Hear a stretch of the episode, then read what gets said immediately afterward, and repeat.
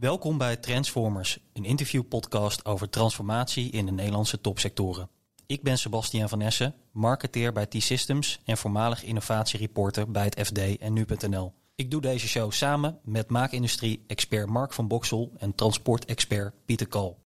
Met in deze aflevering Pieter Kal en ik in gesprek met Joke Aarts, Open Chain Lead van Tony's Chocolonely. Tony's Open Chain is een initiatief van Tony's Chocolonely om chocolade 100% slaafvrij te maken. Zo weten afnemers dat bij de verwerking en productie de problemen van kinderarbeid, slavernij en ontbossing zijn aangepakt. Joke, jij leidt sinds uh, medio 2019 het Open Chain initiatief van uh, Tony's Chocolonely. Hoe kwam die mogelijkheid op jouw pad en waardoor vertrok het verhaal je zo erg? Ja, ja inderdaad. Ik ben uh, sinds uh, mid 2019 bij Tony's gekomen. Eerst als uh, consultant. Um, en dan uh, gebleven, want ik vond het een, een erg interessant verhaal. ik kwam bij Tony's via een, een oud contact. Ik werk al eigenlijk heel mijn leven in duurzame landbouw. dus ik heb in koffie gewerkt en thee, bananen, mango, ook bosbouw, allerlei ja, commodities in de tropen eigenlijk. In 2019 was Tony's Open Chain nog heel klein. Toen had Albert Heijn uh, net ja gezegd om mee te doen met Tony Chocolonely op onze manier van cacao in te kopen, volgens de vijf samenwerkingsprincipes. Uh, dat was een hele moedige stap van Albert Heijn. Ik, ik zeg het altijd tegen hun van jullie hebben eigenlijk ja gezegd op iets dat nog niet bestond en dus daarom een beetje een pioneer moment. Hè, van oké, we gaan dit doen en dan, hoe doen we dat? En daar ben ik eigenlijk mee aan begonnen. Is van ja, hoe gaan we dit doen? Hoe doe je eigenlijk twee ketens voor chocola, voor twee verschillende bedrijven, maar op dezelfde duurzaamheidsprincipes. Um, dus ik ben daarmee begonnen met uh, uit te werken. Inmiddels zijn we een groter uh, leadership team geworden en zijn er ook een heleboel mission allies bijgekomen. Mission allies is wat we uh, ja, die partners noemen, zoals Albert Heijn, die meedoen aan onze missie om de norm in cacao te veranderen. Uh, dus het is enorm gegroeid qua volume en qua partners. Wat ik nu meer in geloof, wat ik meer bij Tony's doe en ook de, de, de benadrukking die ik denk moest komen, is eigenlijk niet zozeer wat boeren kunnen doen. Om uh, dingen die doen echt wel hun best, heb ik al twintig jaar gezien. Mhm. Maar wat de interactie is verder in de keten. Dus wat zijn de verantwoordelijkheden van de bedrijven die dus kopen van die, van die ketens. Hè? Dus uh, uh, de verantwoordelijkheden die, die die bedrijven hebben. Dat, dat, dat is iets waar echt nu grote slagen in wordt gemaakt. Ja, het is natuurlijk ook zo dat als je heel erg fijn aan het produceren bent op een mooie manier, weinig gif, goed afgeschermd goed watermanagement en je doet het allemaal netjes.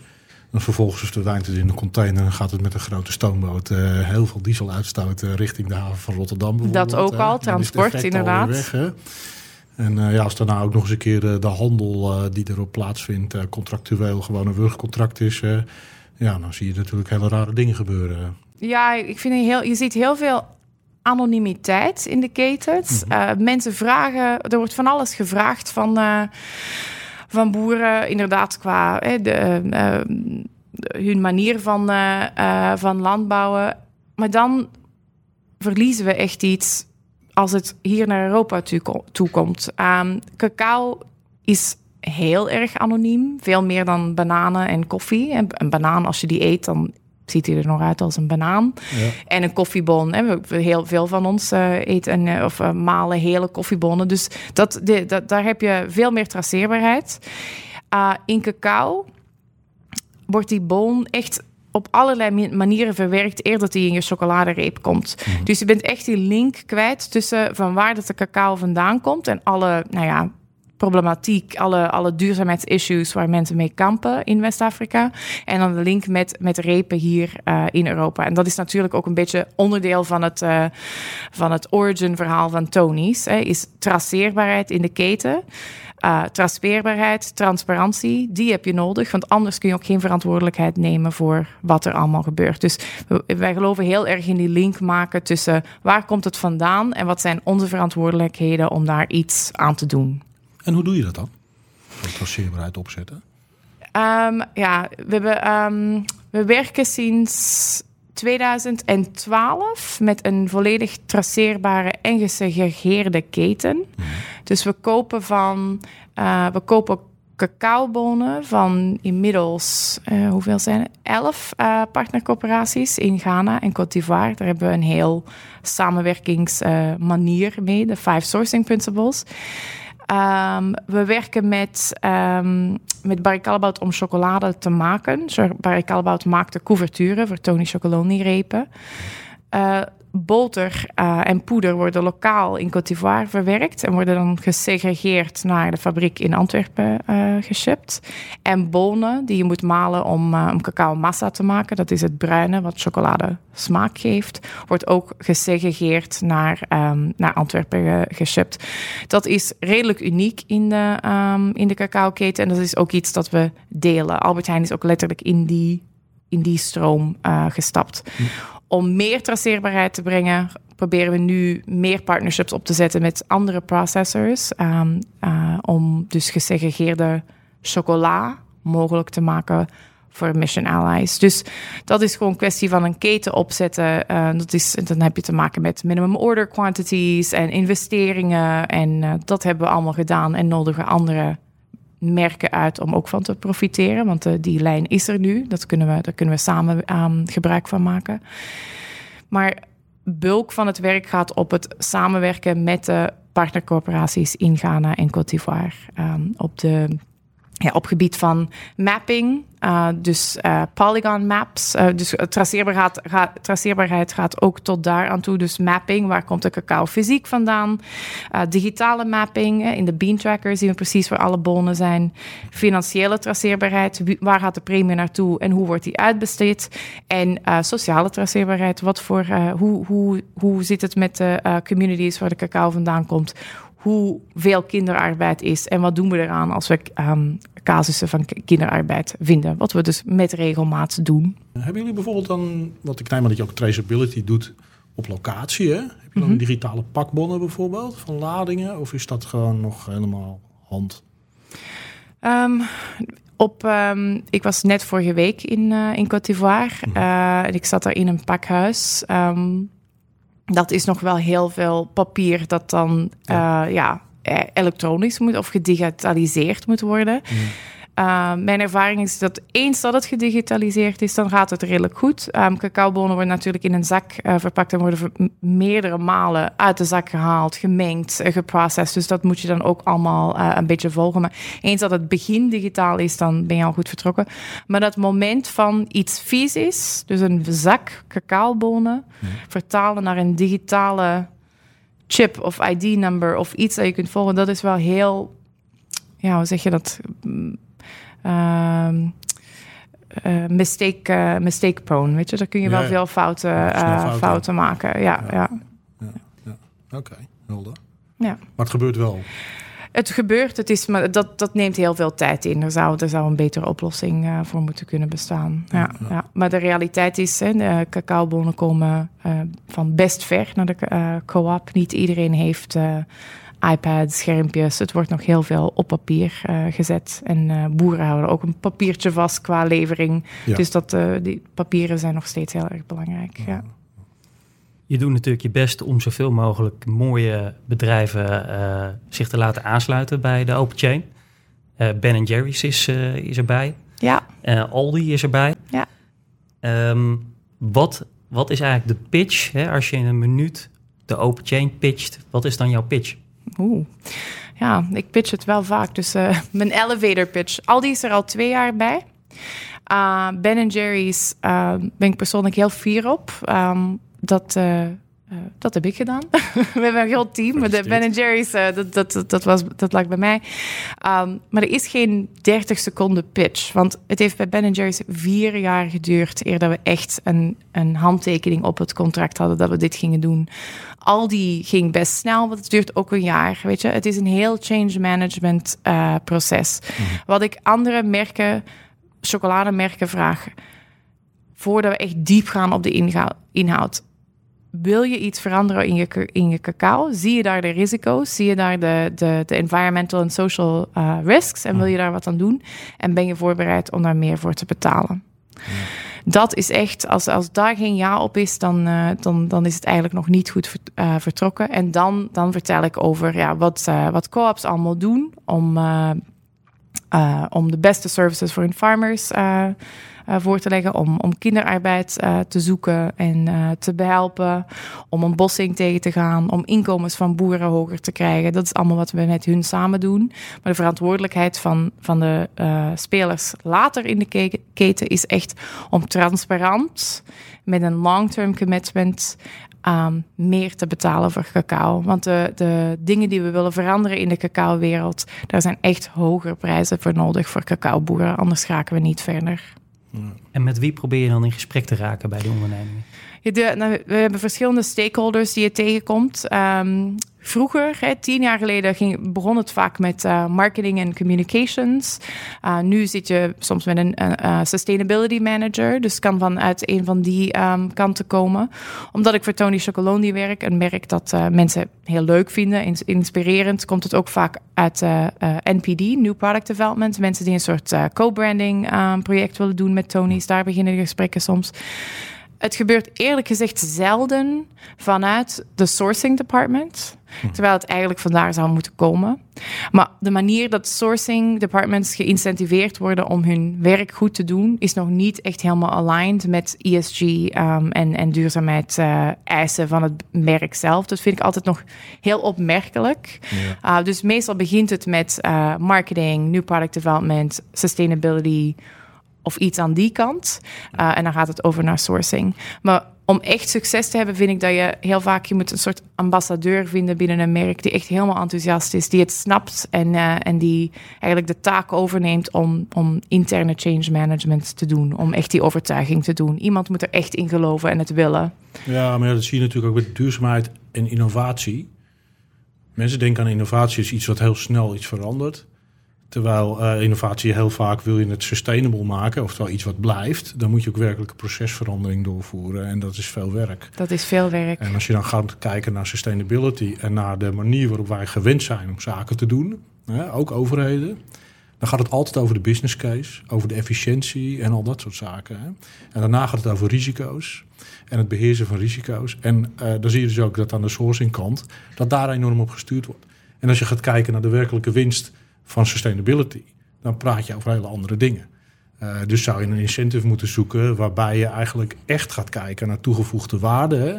Wat voeg ik nou toe aan de leefbaarheid van de maatschappij, om maar simpel te zeggen. Het klinkt heel groot, maar dat kan ik best klein maken. Hè? Dus zeggen, oké, in deze 14 weilanden, wat zorg ik er nou, wat doe ik nou eigenlijk om het echt te veranderen? En dan aan de slag gaan. Hè? En dat is natuurlijk een andere manier van, uh, van kijken naar dingen. Ja. En die sturing hè, is best ingewikkeld om te initiëren. Hoe heb je dat dan gedaan? Wat niet werkt, is als ik bedrijven aanspreek en zeg: als jullie meedoen met Tony's Open Chain, dan, uh, dan ga je die drie keer zoveel verkopen. Weet je, je kunt niet verwachten dat consumenten je gaan. Uh, uh, die, die, vinden het wel goed en mm. die keuren het goed. Maar het is niet dat je daar je een, een, triple in sales over krijgt, omdat je, omdat je naar een duurzame keten bent, bent overgestapt. dus meestal gaat het over een alignment van de doelen van een bedrijf zelf. En ja, bij Tony's gaat het heel erg over kinderarbeid. Hè. De, de slogan van slaafvrij, 100% samen onderweg naar 100% slaafvrij. Uh, niet ieder, iedereen legt een klemtoon op, op kinderarbeid. En kinderarbeid is trouwens ook gewoon een symptoom van een keten die oneerlijk uh, verdeeld is. Hè. Het gaat om armoede, het gaat om, om niet geïncentiveerde boeren om de, om de juiste dingen te doen. Dus er zit gewoon een, een, een inequity in de, in de keten die we proberen te veranderen. Maar iedereen heeft een beetje zijn, zijn eigen insteek. Um, we hebben ook een, net met de mapping hebben we een terugkijk gedaan, 20 jaar terug, naar de land use change over time.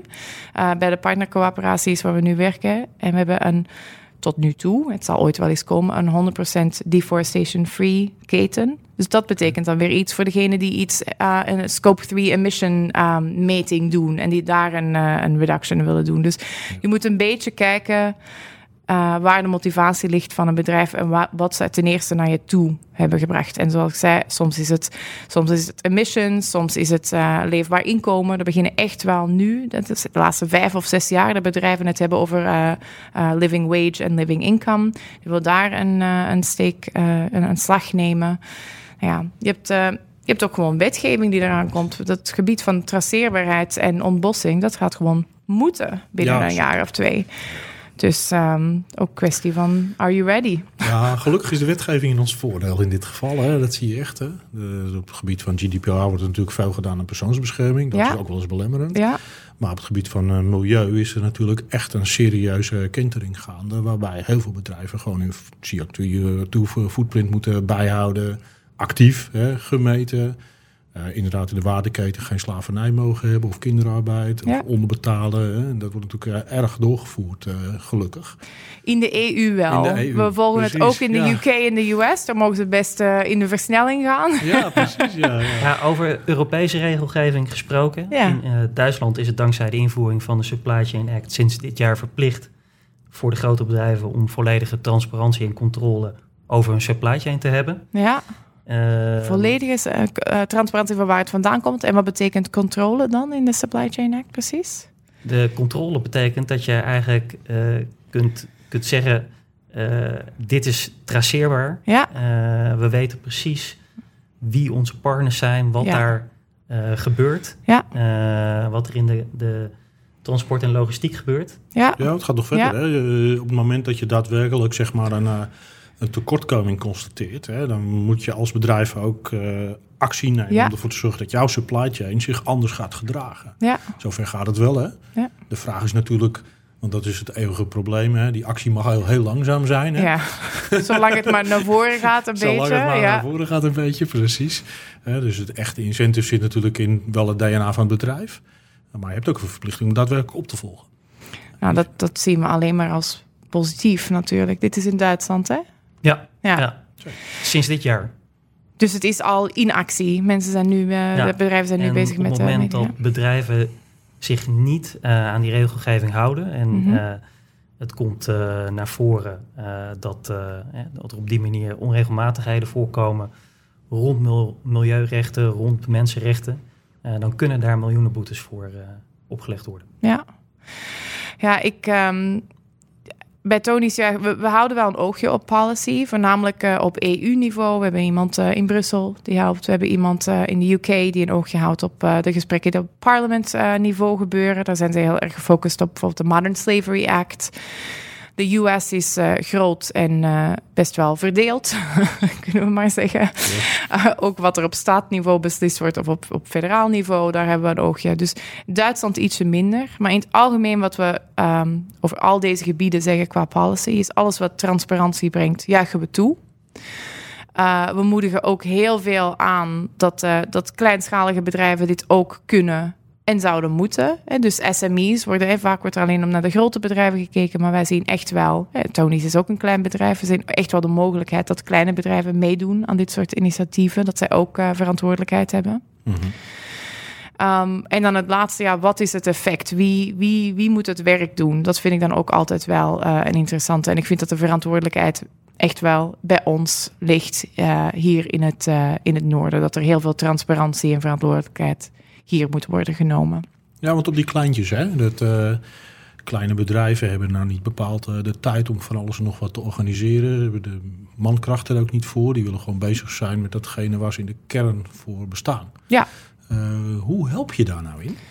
Ik vind, wat jij zegt, vind ik net helemaal goed. Waar je in de kern voor bestaat. Dus als je bijvoorbeeld een kleinschalig chocoladebedrijf bent, dan denk ik dat cacao in de kern staat, weet je. Ja. En misschien ietsje minder je hazelnoten dan, terwijl die wel lekker zijn in chocola en ook duurzaamheidsproblematiek hebben. Dus ik vind het wel eerlijk dat je een assessment doet van wat zijn je grootste um, uh, uh, spheres of influence. Hè? En dat je, dat je die dan onder je hoede neemt. En wat we bij Tony's proberen te zeggen is, nou, tenminste, hè, want we zijn echt puur voor chocola en cacao. In het verleden heb ik in allerlei um, gewassen gewerkt, maar nu is het wel helemaal laser-focused op cacao. Mm-hmm. Nou, je kunt samenwerken met ander, anderen, dat is echt het belangrijke. Je moet dit niet allemaal in je eentje doen. Het is niet dat, uh, dat een uh, kleine chocolatier in België zelf naar Côte d'Ivoire moet vliegen en een partnership opstarten. Uh, die zijn er, doe mee met anderen. Dat is echt het belangrijkste. Ja, dus je hebt eigenlijk al gezocht in de keten waar iets bestond en op basis daarvan de samenwerking. Ja, ja. En, en als je samenwerkt, wordt het echt veel sterker dan 1 plus 1 is 2. Dan heb je echt een sterkere message. Um, mm. Daar geloven we wel echt in. Ik wou nog één ding zeggen over de, over de legislation. Um, we juichen het super toe en dit moet komen. Ook de manier, niet alleen wat, wat bedrijven doen, maar ook hoe, hoe dat ze erover communiceren. Probeer maar eens uh, de duurzaamheidsrapporten van een Mars, en Mondelez en een Nestlé te lezen. En probeer maar eens te vergelijken. Wie doet nou wat en welke impact heeft het? En over welke percentage van jullie cacao wordt dit uh, programma uitgevoerd? Het is ja. echt heel, mega moeilijk. Dus ik denk dat er wel veel kan komen ook in om gewoon duidelijk te zijn wat je doet en, en wat de impact ervan is. Dus dat vind ik een belangrijke. Maar legislatie gaat altijd hetgene zijn wat, wat achteraan komt. Weet je, dat is echt zo het laatste. Dat is niet waar de innovatie gaat gebeuren. Innovatie bij Tony's, nou, we are a marketing company, dus je hebt allemaal goede. Je pakken we een chocoladereep vast en dan doe je die in de lucht en zeg je: we're gonna raise the bar, you know, raise the chocolate bar, raise the bar. Um, wij zijn op zoek naar de merken die that want to raise the bar, die echt uh, iets nieuws willen doen, innoveren, uh, echt een verander de eerste willen zijn om iets te veranderen. Ja. We zien een wereld waar iedereen dit gaat doen en dan helemaal op het einde komt legislatie die zegt dat iedereen verplicht is om het te doen. Maar ja, je hebt wel die, die verschillen in motivatie en timing ook en snelheid. Ja, ja. Nou, ja, dan, ja. Heb je nog verschillende ervaringen in uh, de interactie hierover met beursgenoteerde ondernemingen en met familiebedrijven? Zie je daar nog verschil tussen? Nou, ik heb nog nooit voor een beursondernemend bedrijf gewerkt, moet ik zeggen. We ja. Tony's is... Uh... Maar als Open Chain uh, het gespreksonderwerp is, merk je dan nog verschillen in... oh ja. Ja, nou met Ben Jerry's heel interessant. Um, ben Jerry's is zo'n klein, maar fijn en cool activistisch merk onder het Unilever umbrella. Mm -hmm. Uh, zij hebben hun eigen impact board, een supervisory board, die vragen heeft voor Ben Jerry's, die dan weer niet precies voor Unilever zijn. Maar Unilever heeft ook zijn eigen duurzaamheidscommitment hè, op gebied van um, NDPE, non-deforestation en P-exploitation. Dus je hebt wel die dynamiek van iedereen heeft verschillende wensen, verschillende timelines.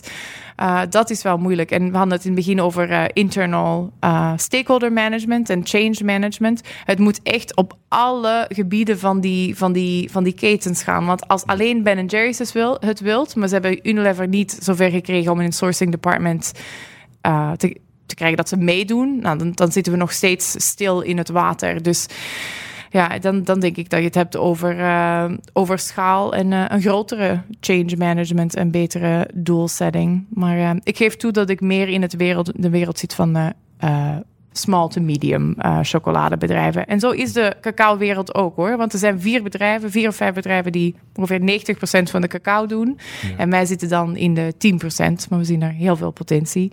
En, en hopelijk inspireren we de grote de grootste cacaobedrijven ook. En wat zeggen bedrijven dan als ze nee verkopen? Als ze wat verkopen? Als, als ze jou nee... Als ze... Oh, als ze nee zeggen tegen ja. mij? Nou, eerlijk gezegd wou ik dat ze soms wat sneller nee zeggen. Als het echt nee is, zeg dan gewoon nee. Niemand durft dat echt te zeggen. Mensen zeggen mm, misschien niet ja, dit ja, jaar. Nou, dan moet je al echt heel voorzichtig gaan kiezen van hoeveel steek ik uh, nog uh, in de, deze, ja, hierin, ja of nee. Dus er zijn een paar bedrijven die al drie keer gezegd hebben, ja, dit jaar en dan, en dan weer niet. Nou, dan, dan, dat is lastig, want dat is ook de realiteit.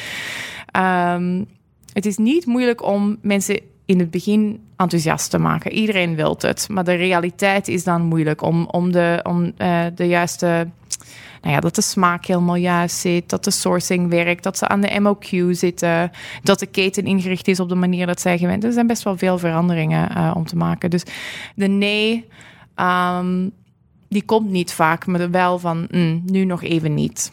Dat, uh... Maar ja, dat het uh, niet risicovrij is, is ook wel duidelijk. Want jullie hebben bijvoorbeeld niet uh, chocoladeletters kunnen, kunnen maken. In, ja, dat was een.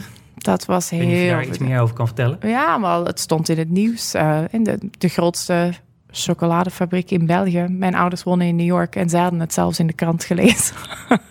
ja. dacht, oh, maar ja, zij volgen het Belgisch nieuws natuurlijk ja, dat, uh, dat was heel spijtig. We zijn nu, um, kijk, de, de, um, de risico van chocolade maken, ja, die moet je gewoon uh, verspreiden. Maar inmiddels zijn er andere processors die ook Tony's Open Chain cacao kunnen doen. We hebben net een agreement met Baronie Semois getekend. Hm. We zijn in gesprek met anderen. Dus wat Mission Allies nodig hebben, uh, dat, uh, dat willen wij ja. waarmaken. Want Even we willen niet dat het op de klippen loopt. Om, om het duidelijk te maken voor ja. de luisteraar Ja, Er was een salmonella-besmetting bij eh Callebaut, in Wiese, ja. eh, waardoor de fabriek moest stil worden gelegd. En dat, ja, jullie waren afhankelijk van die fabriek. Ja, en dat was heel lastig, want wij willen helemaal segregeerde cacao in onze repen, e- echt van de partner cooperatives. Dus wij hebben een tijdje even geen chocola eh, gehad en we hebben de Sinterklaascampagne moeten afzeggen. Dus er waren inderdaad geen letters dit jaar en eh, we hadden wat out of stocks met de witte chocolade. Dus dat was, eh, dat was heel lastig, daar hebben we veel van geleerd. Gelukkig was er geen salmonella in de Tony's repen, maar ja, de, de bron van onze couverture was even, was even weg. Dus dat was, eh, het was een zware zomer op dat gebied, ja. Maar inmiddels begrijp ik, eh, kunnen alle partijen die meedoen aan een open chain ook op, terugvallen op andere. Jazeker. Ja. Ja. Ja, ja, ja, Heeft ook met volumes te maken. Hè. Je moet eh, volume hebben om meerdere ehm, manufacturing eh, locaties te hebben. En daar zijn we heel erg aan aan het werken. De relatie van Tony's en Barry Callebaut gaat wel lang terug. Die hebben heel lang onze chocolade gemaakt. Dus. Was dat de grootste tegenvallen of hebben jullie meer problemen gehad om aan ehm, ja, ook het, het streven van de open chain te voldoen? Ja, ja dat, dat was inderdaad een tegenvaller. eh, maar dat zat niet zozeer in het duurzaamheidsteam. Dat zat Nee. meer op het gebied van operations, logistics, Ja. manufacturing. Nee, dus exact. eh hoofdpijn zat niet bij mij. Ehm, eh, dus ja, tegenvaller op het gebied van business. Op het gebied van cacao, dan heb ik het echt over hoe gaat het met, met de 11 co-ops waar we mee samenwerken. Ehm, en dat is hetgene wat, wat eh, goed gaat. Er zijn moeilijke gesprekken. Twee jaar geleden hadden we een, eh, een coöperatie die, ehm, die wat grote fouten had gemaakt op het gebied van traceerbaarheid. Eh, het vertrouwen was ietsje geschonden. Hebben we echt over nagedacht, wat doen we nu? Want wij doen long-term commitments. Als we met je werken, dan gaan we vijf jaar samenwerken. Dat is onze commitment aan jou. Ja, ehm, en we zaten nog in het midden van die vijf jaar daar. Dus wat, wat konden we doen? En ik vond dat we dat heel flink hadden opgepakt. We hebben ook heel transparant over gepraat twee jaar geleden in ons annual report. We hebben een jaar eh, het inkopen stopgezegd van die coöperatie, maar wel alle duurzaamheidsprogramma's blijven doen. Alles terug getrokken, gewerkt met een nieuw managementproces. dus eigenlijk een heel revalidatie van het vertrouwen. En die zijn nu weer helemaal eh, in, de, in de keten, zijn bonen aan het leveren. En dat gaat weer allemaal heel goed. Dat vond ik een interessante ervaring. Want ik denk dat het makkelijk is om te zeggen: Oh, hier zijn problemen. Nou, die knip je er gewoon uit. En dat is niet onze stijl van werken. hè. Je denkt van: Oké, wat, wat kunnen we hier dan eh, aan doen? En hoe kunnen we de. Is ook vallen en opstaan. Hè? Dan moet je ook fouten kunnen maken. Ja, ja, exactly. En eh, bijvoorbeeld, oké, nou nog iets, ehm, ook niet, weer niet een fout, hè, maar zoiets denk ik van, hmm, hoe schrijf ik hierover in een, in een duurzaamheidsrapport? Uh, vorig jaar ging ons cijfer van hoeveel um, casussen van kinderarbeid hebben we gevonden, echt maal vier naar boven. In de 2000 zaten we van, oh, oké, nou, hoe, hoe komt dat? Nou, het is eigenlijk heel duidelijk hoe dat komt. We hebben met uh, uh, een paar nieuwe corporaties gewerkt, dus we vonden de prevalentie van kinderarbeid die je verwacht te vinden. Eén uit de twee kinderen. Hmm. Dus het getal is eng. Um, in de media wordt er zo oh, er is heel veel kinderarbeid in een uh, Tony's chocoladereep. Er is kinderarbeid in bijna in eigenlijk alle chocoladerepen. Dus liever daar transparant over zijn. Wat was er gebeurd? We hadden nieuwe partners. We hebben veel kinderarbeid gevonden. En we zeiden, nou goed, want als we het niet vinden, kunnen we er ook niks aan doen. Als we met een nieuwe corporatie werken en we vinden geen kinderarbeid, dan zit er iets fout in ons systeem, niet in. Uh, ja. Dus uh, ja, dat vind ik wel het coole van bij Tony's werk is je gaat met ogen open. Oké, okay, wat gebeurt er hier? Hoe praten we erover? Hoe maken we het beter? Um, ik vind dat we niet zo heel veel schrik hebben van dingen te vertellen. En dat is fijn. En dat vinden andere merken ook fijn. Maar ook, ja, als Tony's het durft, dan uh, durven wij het misschien ook als we het samen vertellen. Hoe ontdek je zoiets op afstand? Over kinderarbeid? Ja, bijvoorbeeld. Um, dus voor kinderarbeid hebben we een uh, robuust systeem. Het uh, is een term die in cacao veel gebruikt wordt. Het heet CLMRS, Child Labor Monitoring and Remediation System. Mm-hmm. Dat is een systeem van um, ICI, International Cocoa Initiative. Dus het bestaat. Uh, de meeste bedrijven doen het op um, ja, een soort risk basis. Dus misschien op 5% van de co-op aan werken, of 10% of 15%. Of gaan op bezoek maar eens om de vier jaar. Dus het wordt een beetje per, per bedrijf anders uh, ingevoerd. Bij Tony zeggen we, kinderarbeid is gewoon super prevalent. Dus iedereen is uh, op hoger risico van kinderarbeid. Dus er komen community facilitators door de co-op um, uh, aangenomen. Die gaan bij 100% van de members op bezoek, één keer per jaar. Dus 100% household coverage. Okay. En praten over community awareness raising. Wat is kinderarbeid? Echt heel praktisch. Dat heb ik vorig jaar in die Voorkust gezien. Ik was um, met Mariam, onze lead van CLMRS. Ze was een training aan het doen. En um, kinderen dragen heel veel dingen op hun hoofd. Iedereen draagt veel dingen op hun hoofd uh, in Côte d'Ivoire. En uh, Mariam zei, ja, kijk, als je een zak op hun hoofd moet zetten, dan is het te zwaar. Hm. Maar als het kind zelf het van de grond kan tillen en op zijn hoofd kan zetten, dan is het oké. En dus gewoon heel praktisch, wat is het verschil tussen kinderarbeid en kinderwerk? Ja, dus kinderen kunnen helpen in huis, maar geen kinderarbeid. Hm. Um, nou, dus heel praktisch. En dan als je een uh, case van kinderarbeid vindt, wat dus heel veel gebeurt, uh, dan gaan die in een remediation uh, cyclus. Dus waarom is dit kind in kinderarbeid? Wat voor werk moet er gebeuren? Um, en dan zijn er heel praktische dingen, gelijk een geboorteakte vinden, zodat ze kunnen registreren voor school. een schoolkit of een schooluniform. Dat zijn de echte nou, de, de snelste ingreep die je kunt doen. Maar om kinderarbeid echt um, tegen te werken, moet je met heel de community werken. Cacaoboeren moeten meer verdienen aan cacao. Er moeten uh, goed georganiseerde werkploegen um, zijn beschikbaar via de co-op voor boeren, zodat kinderen het niet doen, maar professionelen. Mm. Uh, dus is er een hele enabling environment rond. Maar um, uh, we, we, leunen heel erg op dat CLMRS-systeem dat de co-op beheert om kinderarbeid te vinden en te verbeteren. Maar ook daar is het dus zo dat je eigenlijk geen afscheid neemt, maar zegt: ik ga faciliteren dat het beter wordt. Ja, en dat, dat is echt. Hè, tien jaar geleden, vijftien jaar geleden in certification zeiden we: oké, kinderarbeid is een major non-conformance. Dus je bent niet gecertificeerd, dus je kunt niet meedoen aan deze keten. Dat ja, dat is niet de juiste. We hebben veel geleerd in 15 jaar. Hè? Dat is niet de juiste insteek. Dat, dat is punishing. En zo ga je natuurlijk niemand vinden. Uh, ik vertel altijd van 15 jaar geleden stapte ik uit een jeep in Rwanda. En de kinderen gingen gewoon in hoge snelheid de andere richting uitsprinten. Weet je wel, oh, oh, daar komt de auditor. Dat is niet de sfeer die we willen creëren. Het is een samenwerking. Um, kinderen uh, zitten in kinderarbeid niet omdat ouders uh, hun kinderen niet graag zien, maar omdat het systeem gewoon super uh, oneerlijk is. En dus die eerlijkheid moeten wij brengen en moeten we gewoon samen met open ogen doen. Ik weet niet of je daar wat over kan zeggen, Joke, maar ehm, er is natuurlijk wel een uh, verschrikkelijke oorlog ook gaande in de wereld. Op zich, op meerdere plekken in de wereld zijn eigenlijk oorlogen. Natuurlijk ook in, uh, in Afrika. Maar uh, in hoeverre zie je dat dat nog ehm, ja, jullie mooie ambities eh, vertraagt? Dit jaar is inderdaad een moeilijk jaar geweest. We hebben net COVID gehad. Dan hadden we salmonella in wiezen. En, en nu heb je een wereld van onrust, inflatie best wel moeilijk. Moet je allemaal een beetje in perspectief houden. Voor de boeren, ja, heel veel van de uh, werelds fertilizers komen uit Oekraïne. Um, dus uh, ik vermoed dat er uh, minder bemest is geweest dit jaar. Dat heeft ja. gevolgen op, op cacao, maar dat heeft ook gevolgen op mensen hun, hun voedingsgewassen. Mm. Minder rijst, minder maniok, cassava, minder zoete bataten. Dus het kan allerlei effecten hebben. Um, wat ook uh, in de onrust van de wereld, inflatie is mega hoog. Dus daar hebben we echt wel um, heel open over moeten zijn, ook samen met de boeren. Um, we betalen een veel hogere prijs voor cacao. op het moment 80% over de, de farmgate prijs uh, wordt er volgens. We hebben een model dat heet het uh, Living Income Reference Price Model. Dus hoeveel moet je per kilo cacao betalen om naar een leefbaar inkomen te komen voor een kleinschalige boer? Die prijs ligt een stuk hoger dan de marktprijs. Dat is ook wat alle mission allies betalen.